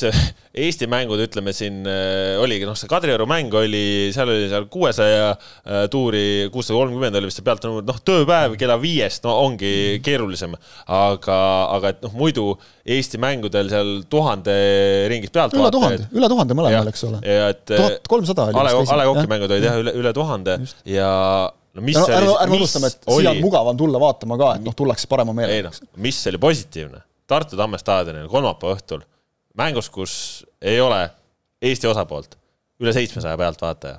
no vägev noh, tegelikult on see vägev no.. no kes saavad nagu asjast aru, eks ole, ja Tartus ikkagi nagu jalgpall ja ka naiste jalgpall on ju nagu heal tasemel kogu aeg olnud, et äh, Eesti, Eesti lõikes, et, et siit sa praegu nüüd sattusid küll mingisse meemi, kurat, et ütled, et Tartus on jalgpall ja naiste jalgpall kogu aeg heal tasemel olnud, selle lause võtab Eesti mõistes tasem. see, see, see lause võetakse sul eraldi välja ja oleks... ma olen ammu tahtnud meemi sattuda muidu on sinust ainult kogu aeg aga, aga lihtsalt see, et, et noh, sulle tuuakse nagu selline jalgpall ikkagi koju kätte no., et noh, mine vaata, õpi lihtsalt, vaata seda, et need on maailma tippriigid, kus, eks ole, sa saad õppida sealt äh, väga palju. ja Võrus ka ju, Lõuna-Eestis Eesti ei käinud kordagi, on ju, ja Võrus ka, seal oli ühel mängul üle viiesaja pealtvaata no.. see on sulle tasuta koolitus tegelikult no,. kaks tundi tasuta koolitust. oligi põhimõtteliselt jah et.... tasuta jalgpallikoolitust, sest pileteid sai noh, igalt poolt, eks ole et see, oli kihvt selles, selles ma tõesti ja, ja paneme nagu korraks, korraks võrdlusesse ka, ma kasutan siin hea kolleegi Laura Jaansoni abi, kes äh, ülevaates ära mainis, ma ei hakka isegi nägu tegema, et ma peast tean neid varasemaid turniire, et, et kui siin vaadata, et äh, korraldajad, see korraldamine ongi ju antud ilmselgelt jalgpalli populariseerimise, naiste jalgpalli populariseerimise mõttes Enamasti. selles vanuseklassis peaaegu alati, enamasti. järgmine aasta on Rootsis, mis on tippriik no, ülejärgmine aasta on Fääri saartel. eks ole. Bosnia-Hertsegoviina väravate vahe null kuusteist, mullu. Äh, on olnud Leedu, kellel oli null kakskümmend üks, äh, Valgevene üks üheksateist, noh nüüd ongi see, et õige küsimus ka Lauralt, et kumb on parem, et kas null viisteist või üks üheksateist, eks ole, et, et noh, iga, igipõline küsimus. et kas kaotada null neli või, või üks viis, et kumb on parem? üks viis sellistel puhkudel on üks-viis no, aga kas kaotada null neli või üks-seitse no, seal on vahe. aga vaatasin huvi pärast seda, et kui oli seesama see eliitring äh, tuhat üheksasada üheksakümmend sünniaastaga poistel, äh, kust, kust ka ikkagi nagu meie jaoks mängumehi tuli, et, et siis ju mängiti ka, noh, sisuliselt on võrreldav Tšehhi, kes oli noh, nagu niisugune mängitav vastane võib-olla, ja kellelt siis lõpuks, kellele löödi värav kiiresti ja kellelt siis lõpuks saadi ka üks-viis ja, ja siis äh, Hispaania ja Saksamaa jällegi. ja, ja kokkuvõttes jäi siis üks kolmteist, et noh, midagi ei ole teha, kui sa paned nagu meid maailma jalgpallipilti, siis me olemegi sellises kohas. umbes, sellega peab arvestama. mis turniirist sa nüüd viimati rääkisid? see on, äh, mis ta oli meil, kaks tuhat üheksa. see oli U üheksateist eliit, eliitring, mis oli Eestis okay., jah, mitte turniir. et aga, aga kus saab nagu võrrelda vastaseid. see oli see, kus Ojamaa ja Allis. jaa, jaa, just, just, just see aeg, eks ole. et, et kus saab nagu võrrelda nagu vastaseid natukene, mm. eks ole, Tamm oli seal ja ju A Le Coq Arena'l oli mingi viis-kuus tuhat inimest mängudel, pealtvaatajaid. kohe ütlen sulle. see oli, see oli see fenomenaalne, kus suudeti mm. metsik publiku hulk tuua staadioni. Tšehhiga kuus tuhat viissada, kuus tuhat kaheksasada Hispaaniaga ja ja viis tuhat viissada Saksamaa mm. -hmm et isegi null viis Saksamaalt äh, tähendas seda, et järgmisteks mängudeks tuli tuhat inimest rohkem et noh, okei okay,, seal ka jagati neid pileteid ohtralt. aga, aga, aga nüüd on see, noh, et see U seitseteist neidude finaalturniir saab nüüd äh, reedel, reedel fina, finaaliga läbi kindlasti tasub vaatama minna. ju, tulla.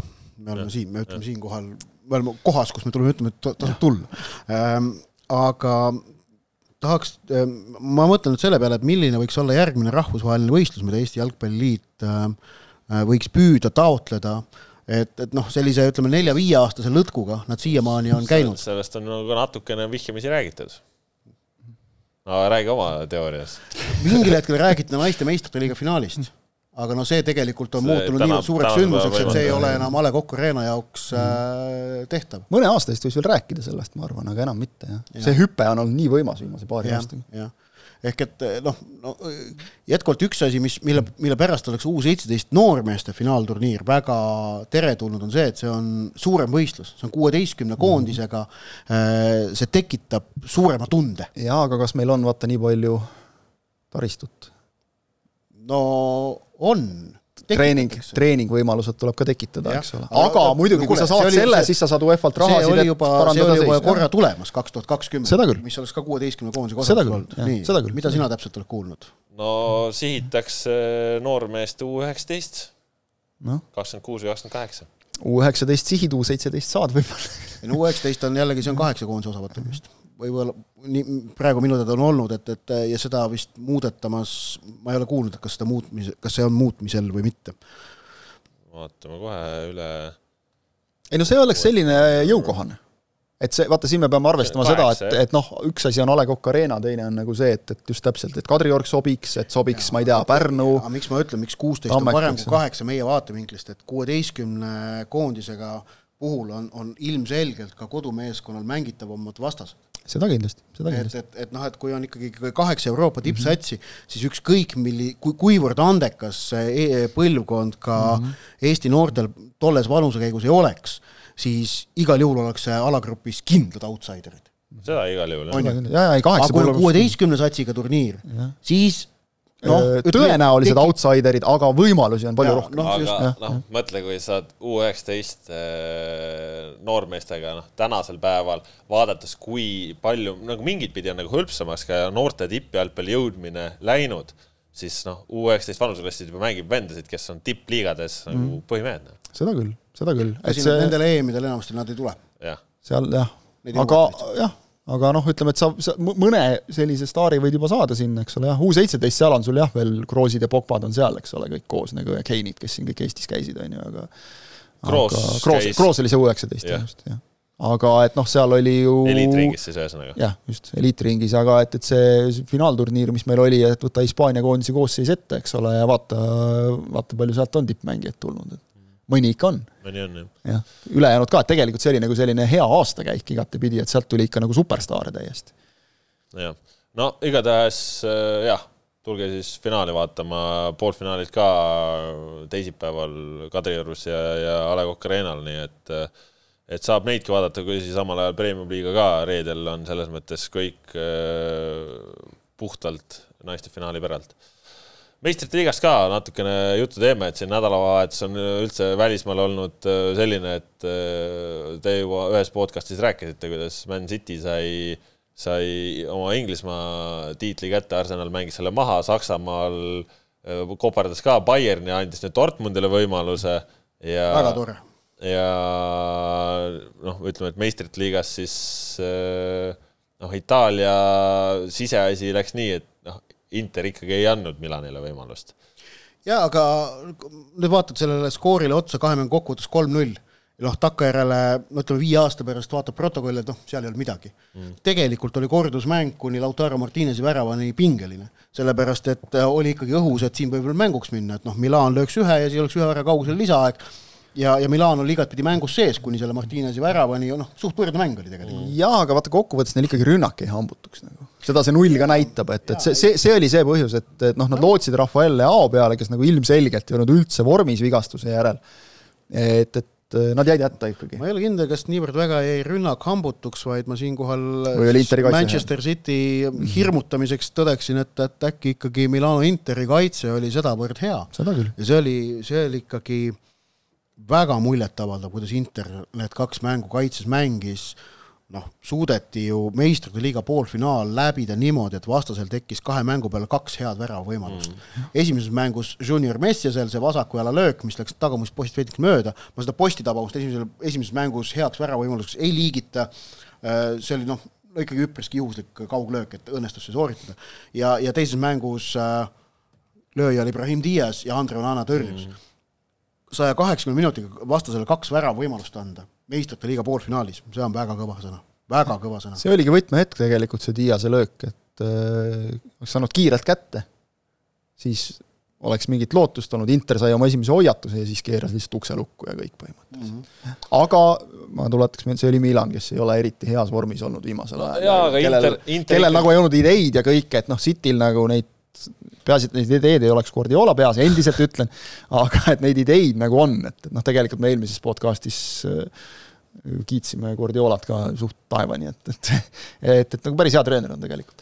et aga noh, Inter on ja. ikkagi, okei okay,, vahet pole, et siin Euroopas nüüd siin vahepeal madistasid nende portugallastega, mõtle, mis alagrupist nad läbi tulid, noh. Barcelona nad jätsid enda selja taha. ja, ja noh, nad ei ole endale üldse lüüa lasknud, et see poolfinaal, need kaks mängu, see on mingisugune erand. kaheteist mänguga kaheksa-nulli mängu no. Mm -hmm kõva. see on kõva see ja näitab klassi ja, ja, ja noh, kui nad saavad selles mõttes on ikka töö hästi ära teinud. ei no Simone Inzaghi, ma usun, on, on nüüd noh, et kui keegi tippklubidest vajab peatreenerit, siis Simone Inzaghi on noh, sa ei saa öelda, et äh, meistrite liiga finalistid ei ole ka tippklubi. no ta finantsilise võimekuse poolest Euroopas ei ole hetkel mm. tippklubi. no see on, nendel jah, rahadega on probleeme, seal sponsor kukkus, äh, noh, ei no, maksnud rahasid kätte. no ma, ma, ütleme siis äh, no, mõtled, Inglismaa top kaheksa. sa mõtled suuri kulutajaid? Inglismaa top, top seitse või top kaheksa pluss Real, Barca pluss BSG et kui keegi sealt äh, mingil hetkel läheb Bayerni ka hm?, Bayerni ka või?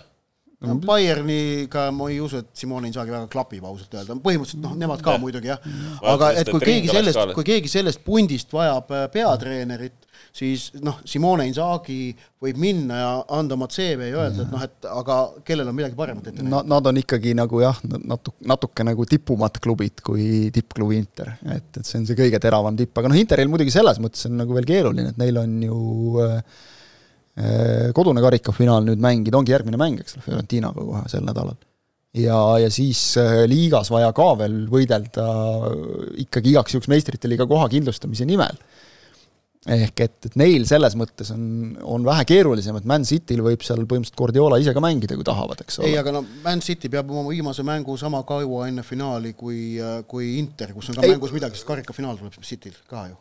City karikafinaal on nädal enne meistrite liiga finaali ja, ja Serie A-s viimane mäng on ka nädal enne meistrite liiga finaali. aga noh, enne seda on veel, eks ole, nüüd vaja no, nagu rabistada natukene et.... no ja okei okay,, seal natukene on ja rohkem, aga aga, aga ma mõtlen just see, isegi mitte nagu väsimus, vaid väga palju sõltub, kuidas need mängud lähevad, et kui City oma karikafinaali mingil imekombel peaks Manchester Unitedile kaotama, mida küll hetkel nagu ei näe üldse juhtumas, aga noh, imelikumaid asju on, on maailmas ette tulnud, et siis noh, neil sellest ei ole nagu midagi, ma arvan, eriti. Nende suur finaal on see meistrite liiga oma, aga et kui nüüd eh, Interil peaks noh, ütleme näiteks nad peaks esinelikust välja jääma, eh, karikafinaali noh, raske uskuda jällegi, Fiorentina on vastasega kaotama, et noh, ma arvan, et neil on nagu võimalus, et see emotsionaalne kõver läheb nagu allapoole jälle, sest nad tegid eile nagu iseenda lolli nii suur asi nende jaoks. lolli punasega, lolli punasega tegid enda, enda elu keeruliseks äh, liigas, et kaotasid, oli, oli võimalus tegelikult Napoli vastu mängida korralikult, kaotasid selle mängu ja, ja noh, jälle jälle raskem, aga no see on teooria kõik, noh, selles suhtes no,, Inter läks viimasesse, kolmteist aastat tagasi oma viimasesse meistrite liiga finaali nagu täieliku outsiderina ja siis äh, ütles Bayernile, et puhake jalga natukene. Jose Murillo tegi Murillo.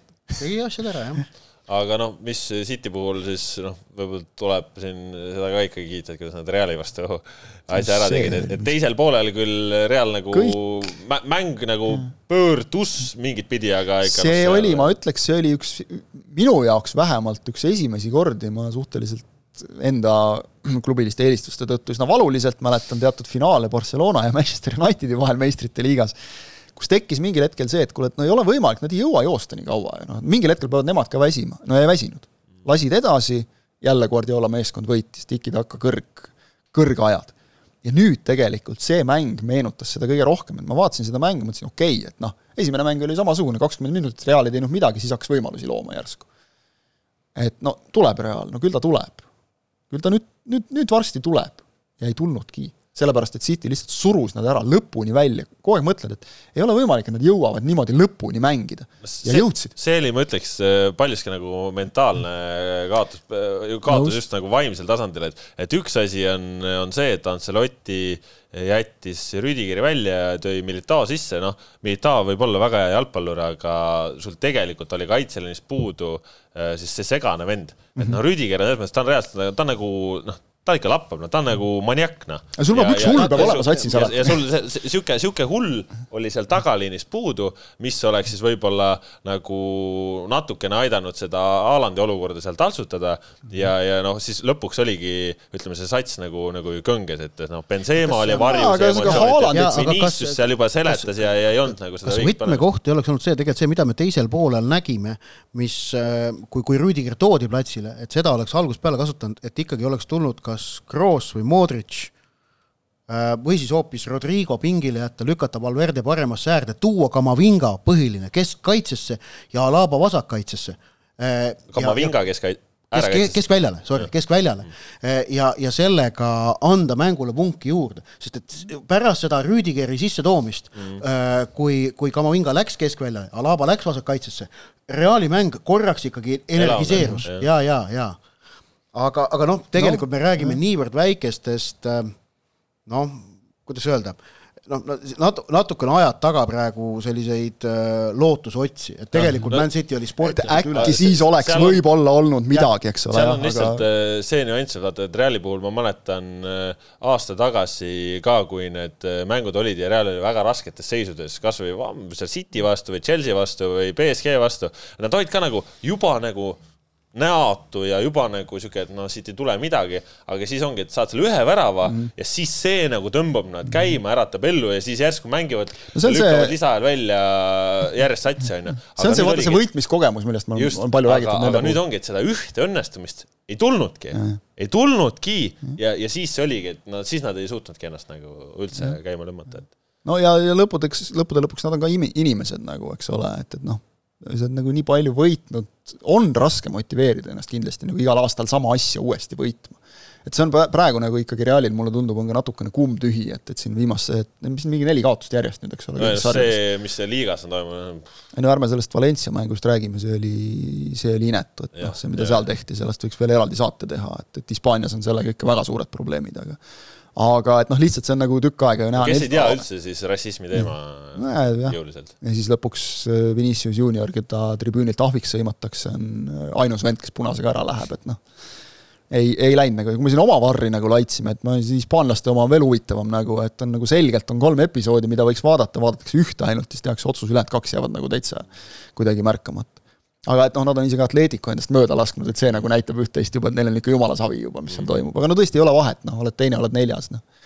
Reali jaoks on kõik nagu niisuguse tiitlit ei saa, siis siis pole vahet. meistrite liiga koht on käes, siis on tõesti ükskõik. ja no vähemalt Florentino Perezel vähemalt korvpallis läheb hästi, et Euroliigas äh, Sergei Jull pani no vot, seal oli vaja, eks ole, noh, seal vanameistrid. vanameistrit on vaja. Rodriguez ja Lull, eks ole, et, et seal pead seal pead panema täpselt need vennad, kes, kes löökski sul, Lull viskas ainsa korvi vist, eks ainsa korvi, jah ja.? oli võidukorv, et, et on, vahel sul õnnestub võtta niisugune mees, nagu sa ütlesid, eks ole, kes lööb ühe ära ja siis läheb järsku meeskonnamäng käima mm. ja iga päev ei tule. jah, aga Guardiolalt ikkagi fenomenaalne töö, noh, see on uskumatu, kuidas ta praegu selle satsi on niimoodi mängima lükanud, et John Stones on seal keskväljal, mis ja, ei ole reaalne, aga jällegi hea reklaam udusele Albionile, Stonesist rääkis Ott seal pikemalt, vaadake seda, seda podcast'i. vot, tõmbame tänaseks jutud koomale, sellised jalgpallijutud siis äh, seekordses pikk ette ise järele kahesaja kuueteistkümnendas episoodis. see nädal, nagu öeldud, tuleb jalgpallist rohke, on meil kaks premium-liiga vooru ja kodune finaalturniir ka veel. saab siin oma lõpplahendused välismaal ka veel mängitakse ja otsitakse mõnes liigas meistrit, kus neid selgunud ei ole nii et eh, püsige Sokkerneti lainel, siis saate asjadega kursis olla. saate teid teine Kaspar Elisser, Kristjan Jaak Kangur, Ott Järvela, püsige meie lainel, adjöö